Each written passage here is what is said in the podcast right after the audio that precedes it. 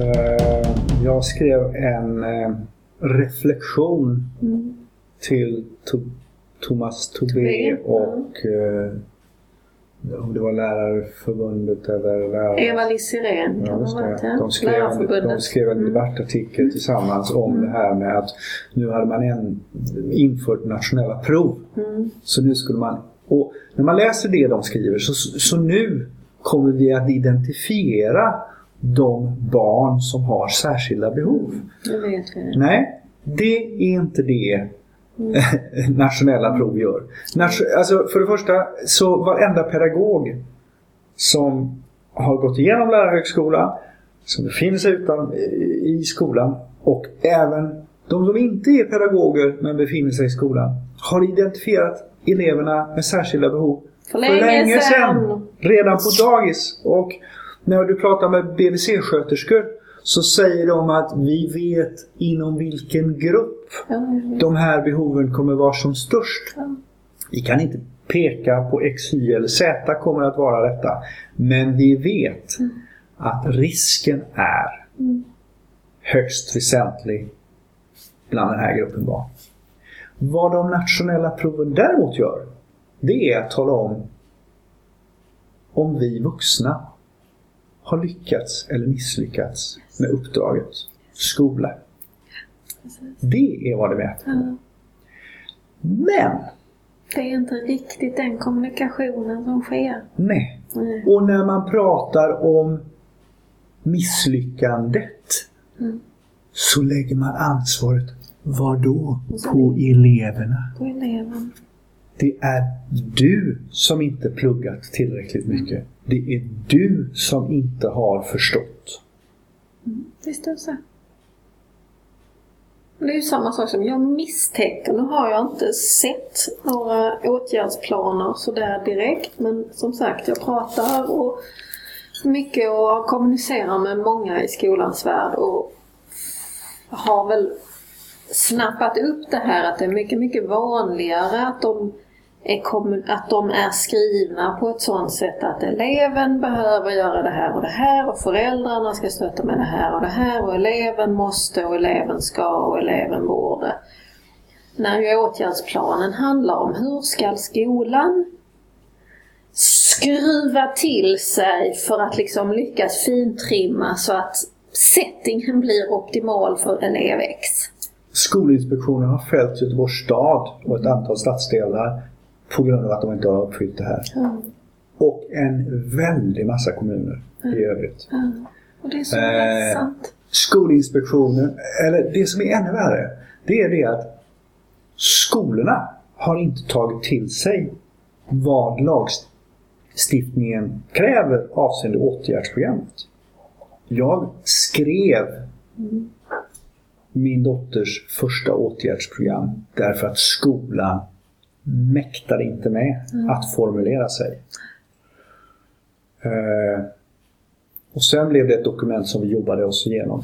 Det hade kunnat vara väsentligt mycket bättre om det hade varit en pedagog med kunskap om detta som hade gjort det. Nu var det en advokat som egentligen inte är pedagog överhuvudtaget som skrev det från början. Och det handlade om att ta tillvara min dotters rättigheter. Men lagen säger pedagogen ska göra en bedömning om elevens kognitiva förmåga. Pedagogen ska göra den pedagogiska bedömningen. Det ska ligga till grund för det beslut som skolstyrelsen eller rektorn ska fatta. Om rektor och pedagoger och övriga tycker att mm, vi kanske behöver mer information för vi har inte hela bilden klar för oss. Så ska man eventuellt göra ytterligare utredning. Det är det som skolpsykologen, om de finns, gör. Och det skolpsykologen gör, den typen av utvärderingar, ska vi vara väldigt övertygade om att det är ingen vetenskap. Det är en objektiv, förhoppningsvis professionell kvalificerad bedömning. Men den är lika färgad Mm. av förutfattade meningar, brist på cirkelperspektiv och i vissa fall grader av intolerans. Mm. Eh, när den är gjord så ska det fattas beslut om vilka stödåtgärder som krävs. Vad händer då? Pedagogernas bedömning dokumenteras inte. Det är ju en bra början. Varför inte då? Jo, därför att om det görs så blir det ju helt plötsligt mätbart vad man ska arbeta emot. Och så sitter man i sådana här möten med skolan och så verbaliserar pedagogerna det. Och så säger man, kan vi skriva det här? Och så lyckas de inte få det på papper. Och så gör man bedömningen och, så, och, så, och, och då hamnar man på vilken IQ-nivå, alltså var ligger du på skalan? Och då säger man, ligger du över eller under 70? Under 70 så är det särskolenivå. Mm. Ja, För det första så är det, det är ungefär som när, när, när eh, finanskillar och, och eh, liknande ska göra värderingen utav vad, hur optioner, hur mycket är en option i en aktie på i Volvo värd om, om en anställd får det. Och så kommer de fram att den är värd 48 öre. Och då brukar jag säga så här, mm, det var ju spännande. Vad baserar du det på? Ett, ett, en jättemassa antagande om framtida re, räntabilitet. Och så, så att, att överhuvudtaget ha några... Nej men alltså, att överhuvud, det är bara ett, Ett tal. En siffra. en siffra. Och jag tror att de här psykologutredningarna är faktiskt lite bättre. VISK utredningen. Lite bättre. Men, men det är fortfarande baserat på antaganden. Och det kan vara så att barnet var sjukt den dagen. Eller barnet hade inte ätit frukost den dagen. Eller barnet fick inte en bra relation till prövande testande psykolog. Eller barnet har inte svenska som modersmål utan därför så möter tioåringen en testande psykolog men har ett språk på svenska som är en sexårings. Och då blir det ju missförstånd. Massa sådana här saker. Och sen så kommer du upp till den och så ska du ha åtgärdsprogrammet och så ska det fattas beslut och så ska de genomföras. Men de formuleras på ett sätt som ibland som man... Jag har skrivit på ett åtgärdsprogram en gång och så så skickade jag omedelbart. Jag skrev på det här och nu därför att jag orkade inte debattera längre. Men läs vad ni har skrivit. Det, är ju, det, är ju, det är ju inte ens möjligt. Det är ju fullständigt hål i huvudet. Sen när du kommer till nästa steg. Då ger man sig på skol, Skolverket och säger hur ska jag göra för att få dem att göra det här? Har ni, kan ni, har ni inte, finns det inte en mall som ni skickar till kommunerna och säger så här kan ni göra? Nej, för det gör de ju inte. Utan alla kommuner ska uppfinna hjulet själva. Och då är vissa gör det fantastiskt bra, precis som man gjorde med individuell utvecklingsplan och så vidare. Och andra gör cut and placed och några tar fram ett A4-papper och säger vad ska vi göra nu? Och så formulerar man tre stycken få- frågor. Om de verkar att man börjar liksom jobba för att nej men nu får ni fasen göra någonting. Ja, vem är det man kallar in för att hjälpa till att skriva åtgärdsprogrammet? Kommunjurister. Ja, just det. Därför att nu handlar det om att friskriva sig.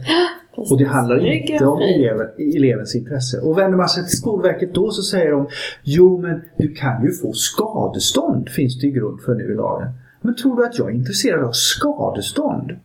Jag vill att mitt barn ska få den skolgång som han, hon har rätt till Mm, och behöver.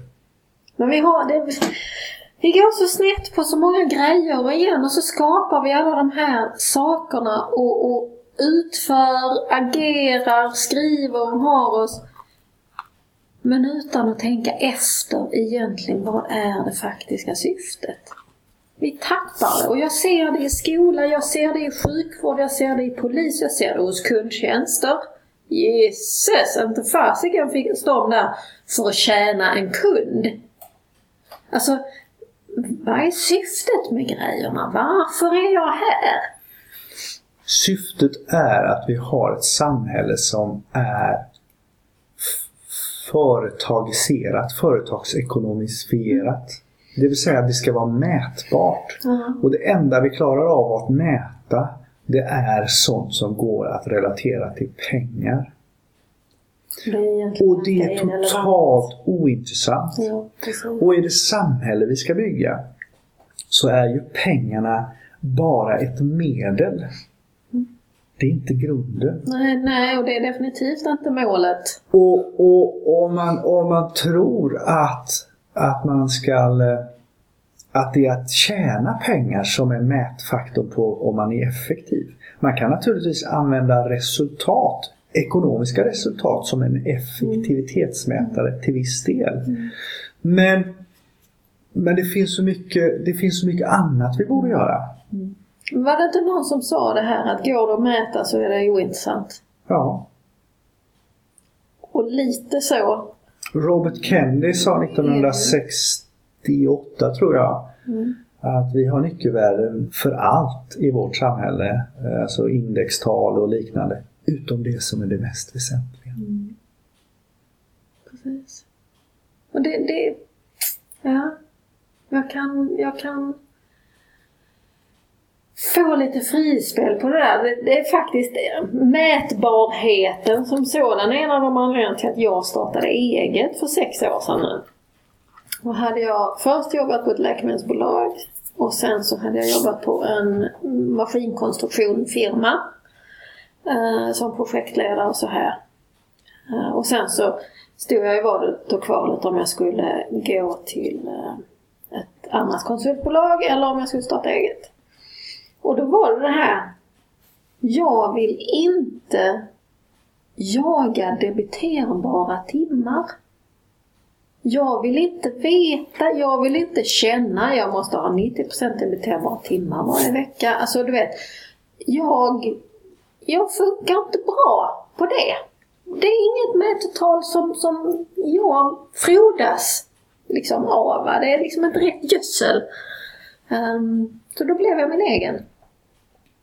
Och har du vet, friwheelat ganska rejält. Mm. Um, ja, det har gått bra so far.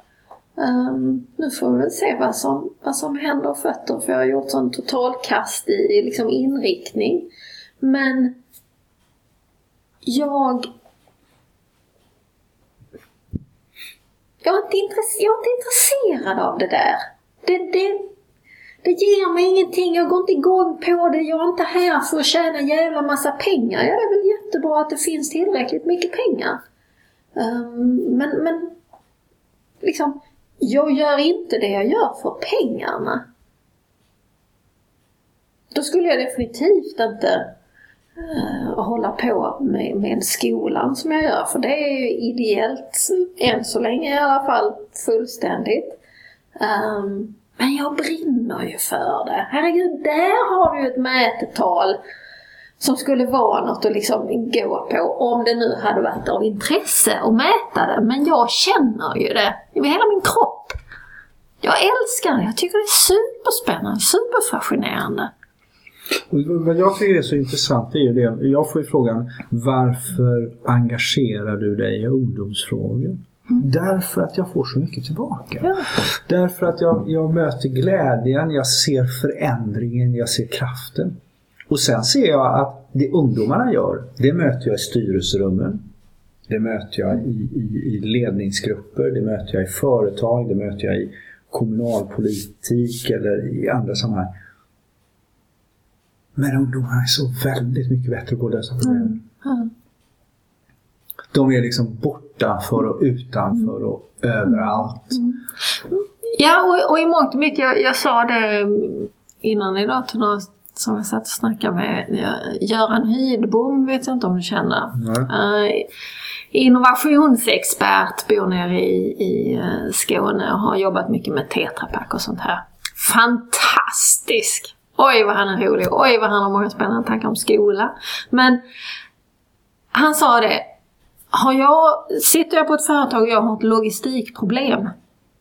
Den sista jag skulle ta in vore en professor i logistik. Mm. För den ser bara de givna frågorna. Mm. Kan inte tänka ut det. Så jag skulle ta in frissan nere på stan eller en dagisfröken eller någon som inte har någon relation till logistik och vet alla de där givna grejerna. Utan som då med sina frågor skulle kunna välta alla väggar och liksom så öppna upp och säga oh shit, så är det ju såklart. Jag brukar säga det att kan jag, har jag ett problem så kan jag förenkla det så att jag kan förklara huvuddragen för barnen i sandlådan. Så det är dit jag går, därför att mm. de kommer komma med svaret. Uh, och, och, det, det är liksom ingenting som... Det har jag nog haft med mig i 30 år. Mm. Så. Det vill säga, ja, innan jag ens gick ur gymnasiet. Alltså det är mer än 30 mm. år som jag har haft den inställningen. Därför att uh, man måste våga. Alltså, det, vi är så inrutade, vi blir hemmablinda. Ja, vi ser inte skogen för alla träd etc, etc. Samtidigt så får det inte bli den här checka konsultvarianten och nu gör vi så här och si och så och så går alla ifrån och så har konsulten lämnat och så är alla träden där igen. Mm. Utan man måste inse att vi måste göra resan mm. tillsammans. Mm. Vi måste flytta på oss. Vi måste våga. Jag har utmanat en väldig massa frågor just nu i ett företag. Mm. De frågorna hade jag för två år sedan. Mm. Men de har måste brottats med problemet. Vi hade säkert kunnat lösa problemet. Men då hade vi ställt hela företaget på ända i många andra avseenden mm. som vi som har haft en där det har funnits ett bättre driv och en bättre dynamik att utväxla. Men nu måste vi verkligen mm. göra en förändring. Mm. Och det handlar inte om att vi ska göra det svårare eller mer stressigt eller någonting sådant. Men vi måste se verkligheten för vad den är. Och då blir det intressant med mätbarheten. Inte i förhållande till pengarna i sig. De kommer som en konsekvens utav det här. Mm. Om det blir ekonomiskt lönsamt eller inte. Utan mätbarhet, precis som en doktor som har en massa symptom och försöker hitta vad är problemet, är det B-vitaminbrist eller vad det är? Mm. Om man, då ska, om man då ger patienten fyra olika mediciner samtidigt så kommer Hur fasen ska du kunna veta vilken medicin som gjorde vad? Och då blir det lite ålderdomshemsproblematik. Eh, De har så mycket mediciner så att vi måste nog faktiskt ta bort allihop mm. och börja bygga från grunden. Mm. Därför att annars så vet vi inte. Alltså, och så måste vi avgifta och så vidare. Mm. Och så får vi se vad det tar vägen. Och väldigt många gånger så har det ju tagit vägen det att var det var inte inget så fel. Dålig. Nej, så. Och då vet vi det. Och så kan vi förhålla oss till det också. Mm. Men det, det är just det här. Jag lyssnar på ett, en podcast av Steve Chandler som snackar om det här att när vi, när vi snackar och tänker förändring och utveckling och allt det här så tror människor att vi menar att de måste göra mer. Att de ska addera saker. Okej, okay, nu ska jag också bli bättre på det här och jag måste utöver det jag redan gör idag göra ännu lite till och så vidare. Och så säger han, det är precis tvärtom. Det är subtraktion som gäller. Ta bort. För du gör saker idag som inte egentligen gagnar dig ta bort, skala. Så att säga. Och Seth Godin gör det, han har ett, ett blogginlägg som är så fantastiskt. Det är som en knytnävssmocka rätt i nyllet. Um, där han säger just det här, du vet, vi, vi, vi bedömer ju ofta vår um, så att säga, viktighet, vår värde i hur många timmar, och jag måste jobba över idag. Du vet sådär. Mm. Nej, du får bara jobba fyra timmar idag min vän. Vad gör du då? Och vad är det du inte gör? Och det du inte gör då, ja det är sannolikt att du skulle kunna skita i mycket av det för evigt. Mm. Så vi, vi är så bra på vi är så bra på att addera och vi tänker för lite på att subtrahera. Mm. Så jag, skala. Ta bort, tänk, liksom, tänk efter. Vad är syftet med det jag gör just nu, just här? Gagnar det mig? Gagnar det min familj? Gagnar det... Vem gagnas av detta? Måste jag göra det på detta viset, på detta sättet, så här ofta? Alltså, att, att ha det där lite frågan där man igen då funderar över för det, jag menar samma sak är det ju med medicinerna på ålderdomshemmen. Och jag menar det, det är ju ingen, det vet vi ju att det där är horribelt. Alltså de blir ju sjuka många av dem på grund av så att säga negativa synergieffekter mellan medicinerna. För vi har väldigt dålig, det finns väldigt lite forskning på det. Skala bort. Mm. Tänk inte hela tiden på att lägga till. Det blir, och det- I mångt och mycket tror jag det är kopplat till den här tillväxthysterin som vi har. Det ska vara mer, mer, mer, mer, mer hela tiden. Det ska vara mer av allting. Varför ska det vara mer av allting? Ja, och, och, och mer av vad? Att vi egentligen sätter ett väldigt konstigt pris på kunskap, kompetens. Vi sätter pris på det i pengar. Ja, Istället per för- timme! Istället för vad är, vad är det värt för oss? Värdet, precis. Vad är det värt för oss alla? Och då, och då, då uppstår sådana här saker som när Västra Götalandsregionen upphandlar medicinpaketering i påsar ut till pensionärer. Och så kommer det in ett video, eh, DVD-distributionsföretag och säger vi distribuerar, nu kan vi göra det här och så gör de det. Men Apoteksbolaget som tidigare gjorde det här, de hade dessutom när receptet på väsentliga läkemedel, livsuppehållande läkemedel var på väg att gå ut så skickade de ut först ett brev till patienten och sa ditt recept är på väg att gå ut. Ta kontakt med den förskrivande läkaren. Sen skickade de ut ett till. Och hade det inte hänt någonting då, då kontaktade de läkaren. Eftersom, eftersom den upphandlande enheten hade ju inte tillgång och förståelse till det här så var det ju inte det man efterfrågade. Så man efterfrågade ju tjänsten Bara distribution. Ja. Vilket gör att det här bolaget som levererar distribution säger Men vi gör ju det ni har efterfrågat. Men vad gjorde det för nytta med samhället? Och det är det här som skapar problemet därför att det var enkelt att säga att det, det är ett samhällsföretag. Apoteksbolaget var ett samhällsföretag. Det fanns ett skäl till att man avreglerade, att man reglerade apoteksbranschen En gång i en tiden. gång i tiden. Mm. Du kan vända på det och säga så här. Det fanns ett skäl till att guldhandel var någonting som du var tvungen att vara få, få tillstånd av staten att göra. Du skulle stämpla och så vidare. Du Mm. fick som person inte äga. Varför då? Därför att kriminaliteten, Mm, häleriverksamheten och så vidare. Det skapades en... Och det är ju en, en samma tillvaro. sak med gesällbrev och mästarstämplar på möbler och annat ju. Och då gäller det ju att hitta någon slags nivå och kontroll på det där. Och så avreglerar vi den typen av saker utan att vi har gjort arbetet. Och, och, men man, man, kan, man kan ta...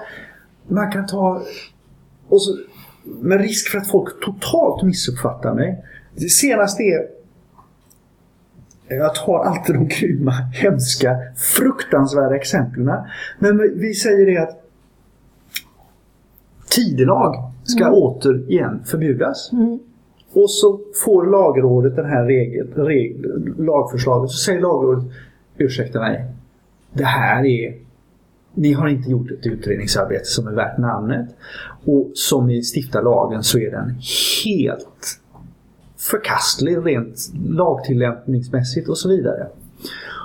Och det där blir någon slags reaktion att, att våra högsta jurister är för djursex. För det blir ju konsekvensen om Expressen och Aftonbladet får ta hand om, om det. Men vad säger de? Jo, de säger så här att ni har inte gjort arbetet hela vägen ut. Därför att vi har kommit så långt i våran värld att det är väl kanske dags att ni tar tag i frågan om vad gör vi med djur? Vi kan sätta en sadel och tvinga djuret att göra saker och ting. Springa runt, Springa runt, och hoppa. Och, vi, kan, vi kan klippa fåret. Vi kan, alltså, vi kan, vi kan göra alla de här sakerna. Kastrera grisar. Vi kan, vi, vi kan göra det med eller utan bedövning. Vi kan klippa, eh, vi kan sätta tags i öronen på kossor och sånt där. Vi förstår att ni vill hantera frågan om det här med djursex. Men det finns en djurskyddslag som faktiskt redan gör det. Det är bara det att det är ingen som har lyft frågan. Men problemet med den djurskyddslagen är att vi kanske skulle börja ta oss en funderare på hur förhåller vi oss till våra, våra medlivsexistenser på våran på jord. Och så dyker problemet upp igen. De här veganerna, de militanta veganerna, är de terrorister eller är de några som har tagit tanken lite längre och förhållit sig till det? Vad borde vi lyssna på och lära? Hur kan vi skapa en dialog utifrån det? Men vi kommer aldrig dit för att vi förenklar världsbilden så väldigt mycket. Så vi säger nej. Och vågar inte ta i de svåra frågorna. Alla de här sakerna som får oss att se rött måste vi backa och säga så här. Varför? Eller vi tar burka-historien. En kvinna som går Ja. klädd med, med, med helsvart och vi ser ingenting och handskar på händerna. Ja, om jag har förstått statistiken och underlaget mest så är det mest konvertiter, det vill säga månggenerations europeer som konverterar in till islam och måste springa hela vägen ut för att, för att för att förhålla kunna förhålla sig till de andra som säger Vad sysslar du med Karin? Mm, precis. Vi är ju kristna i det här landet. Mm. Och för att, för att orka stå emot så måste man springa hela vägen ut. Precis på samma sätt som, som, som ehm, grabben eller tjejen som är homosexuell i en homofobisk miljö måste springa ut och vara och hoppa och studsa på gatorna och köra, Fullt. åka i pridevagnen där alla hoppar och är burleska. Därför att jag måste vara så fruktansvärt tydlig för att motverka den här kraften som är så tydlig åt andra hållet. precis. Hur förhåller vi oss till det? Utåtagerande barn, tror fasen att de är utåtagerande. Det, de, det finns ju någonting. Jag begriper inte världen, hjälp mig! Ja visst, det är väldigt, väldigt tydligt. Jag tänkte på en annan sak när du sa det här med, eller när vi snackade om det här med, med syfte och att upphandlande part inte förstår vad det egentligen är de borde upphandla. Och det tror jag är en jätte, jätte, jättevanlig grej. Och jag tror det är därför vi i mångt och mycket har skapat så att säga, betygssystem och så vidare. För då har vi något slags urvalskriterium som vi kan säga att man måste ha läst minst det här och ha minst det här för att kunna komma vidare och komma till den här anställningen eller någonting. Men det handlar egentligen om att vi inte vet vad det är vad vi, vi vill ha. Facebook gjorde ju det när de sökte ett antal år sedan när de skulle liksom, nu måste vi bli större, vi måste ha folk som kan skapa algoritmer, du vet så, hej vilt. Då skapade ju de ett Facebook-pussel som de la ut. Skickade ut och sa, eh, lös detta, liksom. Lös det och så skickar ni in svaret. Och då satt det någon programmerare i någon håla i södern i USA, du vet. 27-årig college dropout som, som liksom sådär typ klippte gräs på fotbollsplanen till jobb liksom. Men brann för programmering. Eller om man jobbar i någon servicebutik och lagar datorer eller sånt här, typ. Va? Han knäckte den här. Skickade in, fick komma på, på intervju hos Mark Zuckerman och fick jobbet och är nu deras huvudprogrammerare. För att de visste precis vad det var de behövde. De visste vad det var de hade behov av. Om de hade kunnat gå ut med en traditionell annons, sagt vi behöver eh, högskoledatoringenjörer som har X års erfarenhet och kan programmera på 17 olika programmeringsspråk. Fast det är inte det ni egentligen behövde. Ni behövde någon som kunde lösa det här problemet. Det är som, det är som KTH Chalmers har konstaterat det att de som har läst estetprogrammet på gymnasiet och sen läser tekniskt basår, det vill säga tillägnar sig NA-kunskaperna, de är de som klarar alla ingenjörsutbildningar bäst. Ja. Inklusive teknisk fysik. Ja. Därför att de är är utanför lådan. Yes! De är inte liksom... Det är som det här med logistikprofessorn och logistikproblemet, eller hur? Så så här, vi, vi, och vi är dåliga på att vara beställare. Vi är väldigt dåliga på det. Och jag menar, jag tror det är ju ett av anledningarna till att jag, jag ställer frågan varför skola hela tiden. För vad fan är det egentligen vi har beställt? Mm. Liksom, när, när politiken bara snackar nationella prov och betyg och, och läxor och läxhjälp och, och eh, förstelärare och hit och dit. Ja men vad är det ni beställer egentligen? Skapa liksom Facebook-pusslet istället. Jag satt eh, i Johan Kants senaste blogginlägg nummer 6 så hänvisar han till någon UR-flik som visar sig poppa upp något helt annat. Och så börjar jag lyssna på den och då är det tre stycken personer som, som pratar om demokrati i skolan och vad är det? Och är det, ett, är, är det, ett, är det en levd eller upplevd eller lärd kunskap? Och så har man inte överhuvudtaget ställt sig frågan vad är demokrati? Eh, vi har... Någon, någon tog upp eh, Parkners bror, Claes Parkner, som är konstnär, tog upp frågan idag på morgonen om det här med att hade vi faktiskt valt att våran regering skulle gå i krig i Afghanistan och nu ställa sig bakom att eventuellt göra en intervention i Syrien. Mm. Hade vi inte haft fred i 200 år, då skulle vi inte fortsätta ha fred i 200 år. Och hur förhåller vi oss till det här? Och, och så poppar det upp, jo men vi har ju valt det här och det har ju varit tydligt. Och så går jag in och kommenterar och säger så här, ja, fast det är ju inte det därför att det är politikernas retorik så som den har gjorts om till nyheter. Det är ju det vi väljer på. Och det har ingenting med verkligheten att göra utan det är ju bara liksom en, Konstruktion. en, en, en, en, konstruktion och en, spegling och en, en imitation utav något annat. Och så la jag till det att och i Göteborg så ska vi rösta om vi ska ha om vi ska ha eh, sån här, Vägskatten. ja om vi ska ha sån här eh, skatt, eh, vägtullar. Vägtullar, precis. Eller inte som vi redan har genomfört och det har vi genomfört därför att vi vill. Och min spaning är att är det så att vi får ett nej och vi byter till byter så att säga makt i Göteborg så Alliansen kommer att sitta i makten i Göteborg. Ja, då kommer vi se en väldig massa kommunala bolag som säljs ut.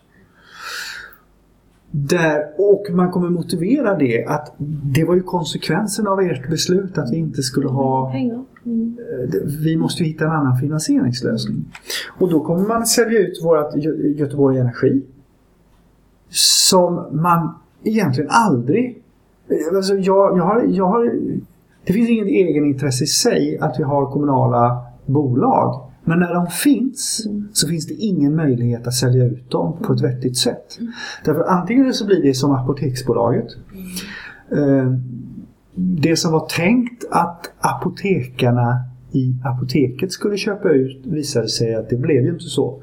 Utan det blev ju Stora kedjor. ja, det blev kedjor och det blev i något fall så var det exemplet Wallenberg som gick in och köpte för att sen omvandla och sälja och tjäna hur mycket? X antal hundra miljoner.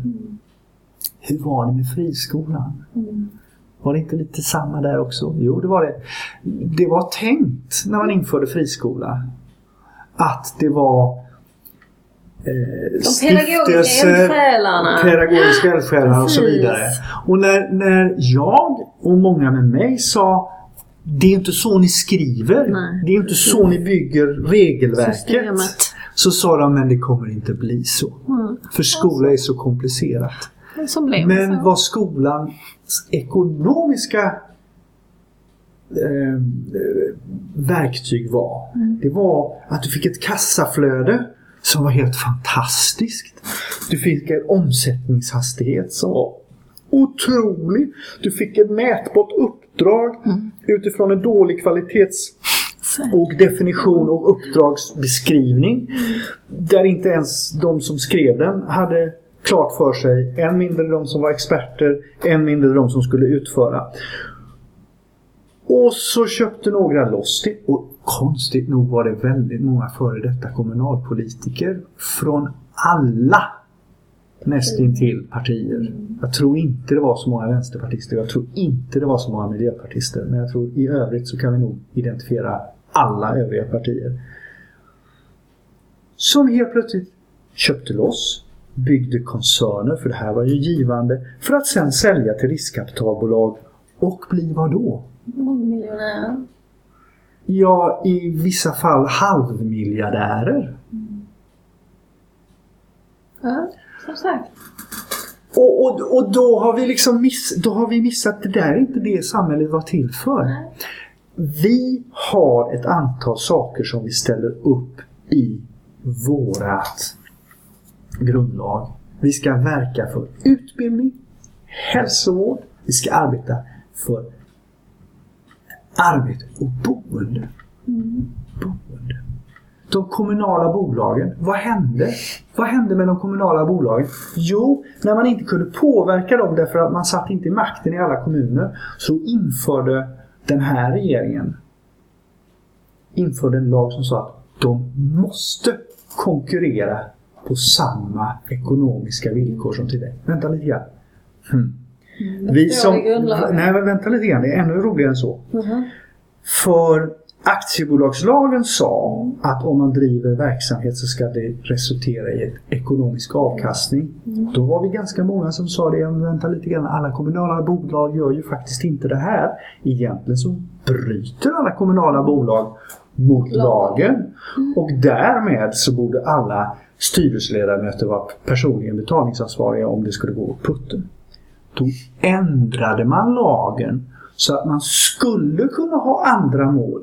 Renhållningsverket skulle kunna ha andra mål än rent ekonomiska mål.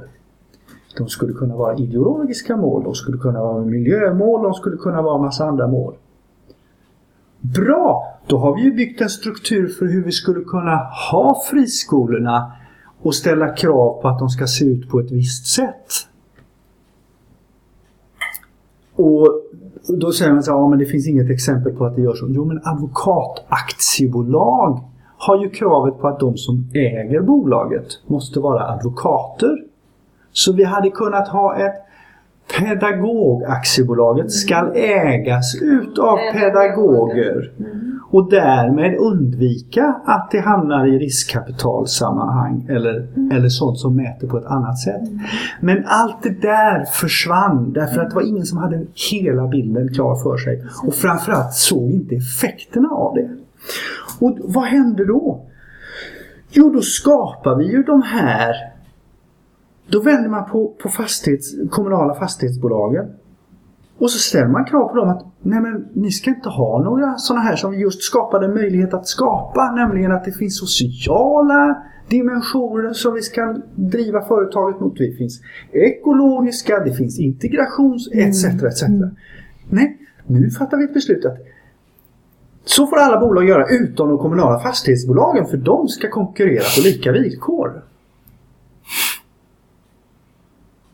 Och vad händer i Göteborg? Jo, helt plötsligt så börjar de här listorna komma upp där man graderar folk. Helt plötsligt så, så kan du inte få ens i det kommunala bolaget någon lägenhet trots att du har anmärkningar i, i registret. Etc, etc. Förr i tiden på 60-talet och på 70-talet så fick man enligt lagen inte vräka någon utan att ha gått via socialtjänsten. Och om man hade för stor lägenhet då, då löste man med de kommunala bolagen så att man bytte så att man fick en lägenhet som var rimligt stor till den familjen och så fick de ha ett boende därför att de hade barn. Det är 2000 barn i Göteborg om året som vräks ut i en bostadslöshet. Vad händer med de 2000 barnen? Har de tillgång till en skola? Kan de genomföra sitt gymnasium? Kan de, bli, kan de hamna i ett innanförskap? Men hur funkar det då mot grundlagen, paragraf 2 här då? Ja, men vi har ju ingen konstitutionell domstol. Vi har ju inte någon som ifrågasätter det. Vem skulle våga ifrågasätta det? Centrum för rättvisa. Ja, kanske då. Men i vilken, i vilken domstol skulle det prövas? Våra högsta jurister? Alltså, men vad, vad säger du nu? Säger du att vi inte har någon... När, när Liksom- fattade Högsta domstolen, förutom nu då senast, när det handlade om våra skattebrottslingar. Där man Ja. konstaterade att nej, nu är det nog faktiskt så att dubbelstraff ska vi inte Ska ha. vi inte ha. Brukar det vara den ensamstående mamman så? Alltså, titta på hela, hela... När Socialdemokraterna införde enhetstaxa på dagis Mm. så var retoriken att det var för den ensamstående mammans skull. Hon fick betala lika lite som hon hade gjort li- innan för att hon hade lägsta taxan. Mm. Men den klassiska medelklassfamiljen deras dagisräkning beroende på var man bodde gick från någonstans 2500 4500 i månaden till 800 till 1200. Går man tillbaka och tittar i statistiken hos Systembolaget så ökade vinförsäljningen lavinartat. Och det var ingen som kunde slå ihop de två parametrarna och konstatera det att vad tror ni? De här, här har vi liksom eh, akademikerfamiljerna som har läst eh, på universitetet, skaffat familj, barn. Eh, det är lite knapert. Man jobbar sex, dagar, eh, sex timmar och åtta av föräldraledig och, och delar. Så att, nej, nu får, och så har man köpt hus. Så att nu får vi snåla lite grann. Och så helt plötsligt får man efter skatt 2000 till 3500 kronor mer i månaden. Tror ni att det blir en flaska vin eller två i, i, i, i månaden då extra? Självklart. Och, och de här sakerna, alltså för mig är det uppenbart. Men det går liksom inte att kommunicera rakt igenom. Det, det kommer inte fram. Hur ska vi få folk att förstå att vi, kan, vi, vi måste säga Tänk en gång till. Ja, Fundera. Varför? precis. Vad stod det i grundlagen? Vad hade vi samhället till för? Var det för att... Och arbete i det här fallet handlar ju inte om att skapa jobb, men det handlar faktiskt om Arbetsförmedlingen. Jag tror inte Arbetsförmedlingen kommer klara sig mycket bättre i privat regi. De, de konsultföretag som Arbetsförmedlingen svårligen har upphandlat, eftersom det var ju liksom inte det de var vana vid att göra, de har ju inte presterat bättre. Det har ju snarast visat sig att Arbetsförmedlingen presterat bättre. Senaste varianten, momsen sänktes på mat. Jo. Har fler fått jobb? Senaste nyheten är att 10 000 har anställts fler i, i restaurangvärlden. Jaha. Hade det med varandra att göra? Vänta lite grann. För det första så går vi mot en bättre konjunktur. Och det här med konjunkturer kan vi glömma för att det ser inte ut som det har gjort tidigare. Därför att världen är mer dynamisk. Det händer massa nya saker. Och i hela Europa-perspektivet ser vi ju att Sverige är inte som Grekland. Och i USA så går Detroit i konkurs. Varför då? Därför att de levde i den gamla strukturen och förstod inte att världen hade förändrats från bilindustrin till Precis. det globala. Eh, och så vidare.